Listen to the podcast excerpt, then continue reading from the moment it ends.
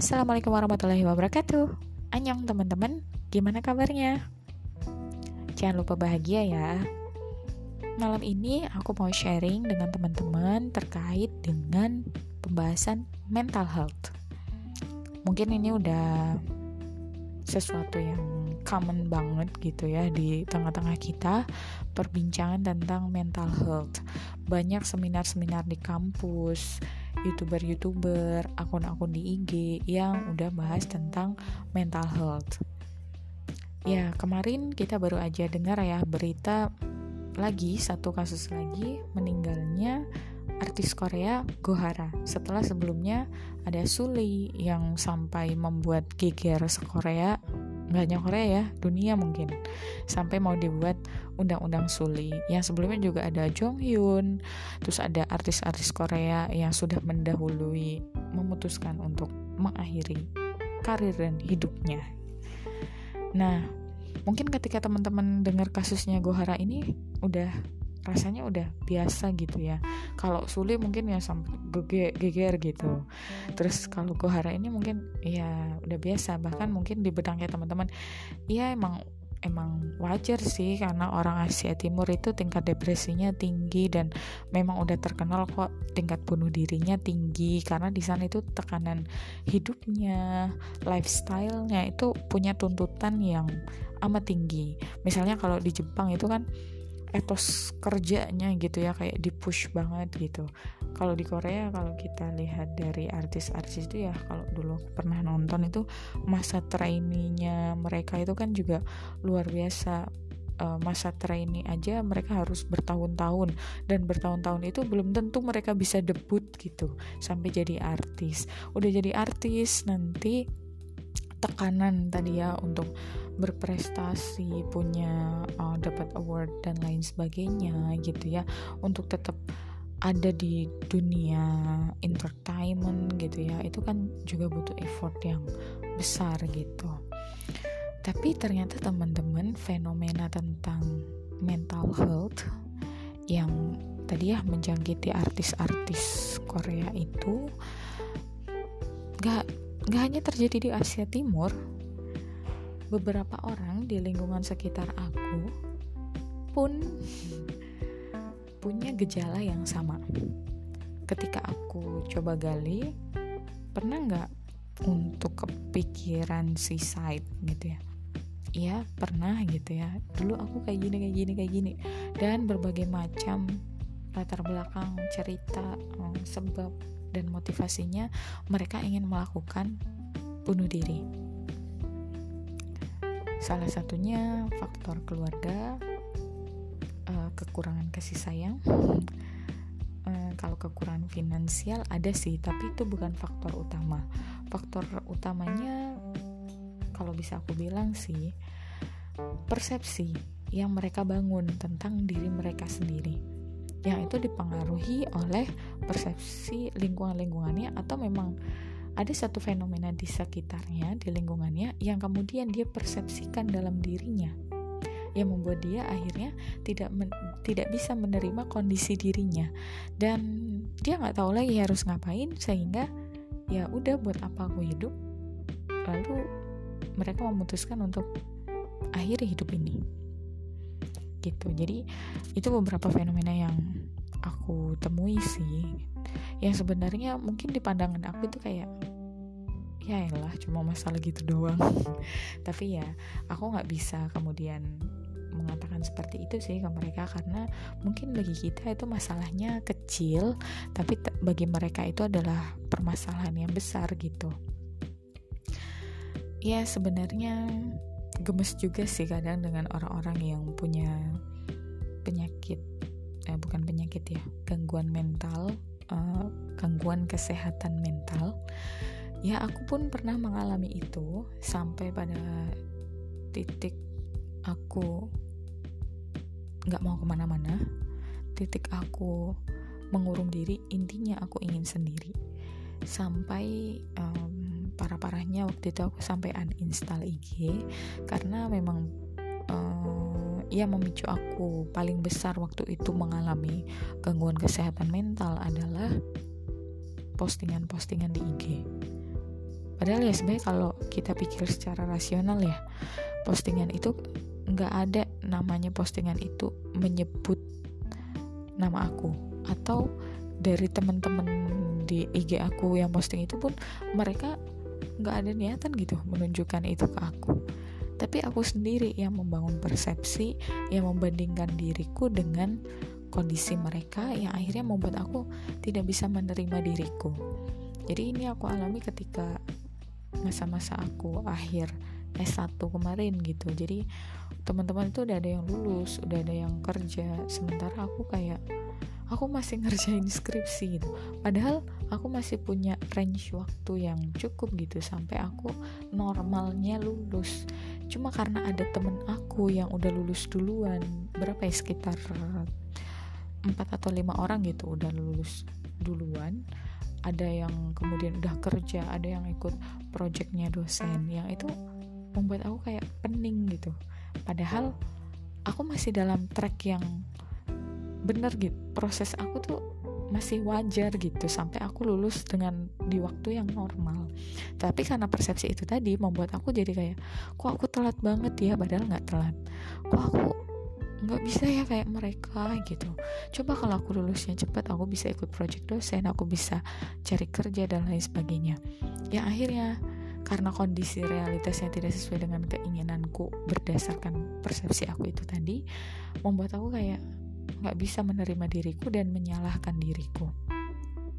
Dan itu berlangsung gitu ya. Dan alhamdulillahnya sih aku sadari oh pemicu aku itu HP kalau aku lihat HP lihat postingan IG aku merasa stres. Akhirnya apa? Aku uninstall lah itu IG gitu. Nah itu beberapa fenomena yang aku tangkap dan aku sendiri rasakan. Cuma alhamdulillahnya entah ya aku nggak sampai kepikiran untuk suicide. Karena aku mikirnya terus kalau udah suicide aku mau ngapain gitu? Kalau iya kalau kayak di drama-drama atau di film ada yang nyelamatin gitu ya. Tiba-tiba ada orang yang sebenarnya peduli sama kita tapi nggak menunjukkan ya. Baru setelah kita itu sakit setelah kita itu bener-bener uh, di antara dunia dan akhirat gitu ya. Dia baru datang menyelamatkan kita. Ya itu hanya ada di drama gitu. Tapi aku mikirnya nggak ada sih di kehidupan aku yang kayak gitu. Terus kalau aku mati siap nggak aku dengan kehidupan selanjutnya? Karena aku meyakini ada gitu ya kehidupan setelah kehidupan di dunia ini. Terus emang urusan kita dengan manusia lainnya itu akan beres gitu dengan bunuh diri aku mikirnya aku lebih takut dengan nasib aku nanti setelah aku bunuh diri itu gimana gitu. Makanya nggak terlintas aku yang namanya bunuh diri se stres stresnya aku. Ya gitu ya itu fenomena. Nah kalau kita lihat akhirnya fenomena itu bukan kasuistik gitu cuma kasusnya Suli kasusnya Jonghyun atau kasusnya aku kasusnya teman aku. Karena memang itu adalah fenomena yang sama.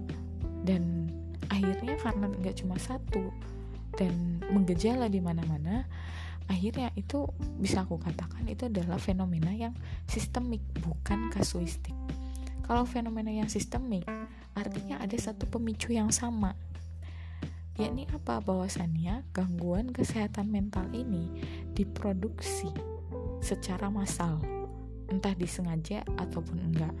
Ya husnuzonnya sih semoga enggak ya. Tapi yang pasti kalau enggak berarti itu adalah bagian dari efek samping. Siapa yang menimbulkan efek samping ini? Hmm, kalau bicara itu adalah pembahasan yang amat panjang sih. Tapi singkatnya adalah bahwasannya kita manusia hari ini dan sistem yang diliputi oleh sistem kehidupan hari ini didrive oleh satu pemikiran yakni pemikiran tentang standar kebahagiaan. Kita disetting gitu ya. Kita di drive bahwasannya kebahagiaan itu seperti ini, seperti ini, seperti ini, seperti ini. Dan uh, ketika kita tidak mendapatkan kebahagiaan-kebahagiaan itu, itu secara manusiawi otomatis kita akan merasa sedih, akan merasa bersalah dan lain sebagainya. Itu manusiawi. Sayangnya hari ini standar yang dibuat itu tidak mengakomodir atau menyediakan satu medan yang itu tidak adil. Medan yang tidak memberikan kesempatan yang sama pada manusia atau pada orang-orang. Nah, kalau kita balikan lagi, apa sih standar yang kebahagiaan yang membu yang kebanyakan hari ini dianut oleh orang-orang? Satu, harta atau materi. Dua, kekuasaan. Yang ketiga adalah popularitas entah kamu itu mahasiswa entah kamu itu bagian dari masyarakat ataupun sebagai PNS kali. Kebanyakan kebanyakan ya itu punya standar di situ.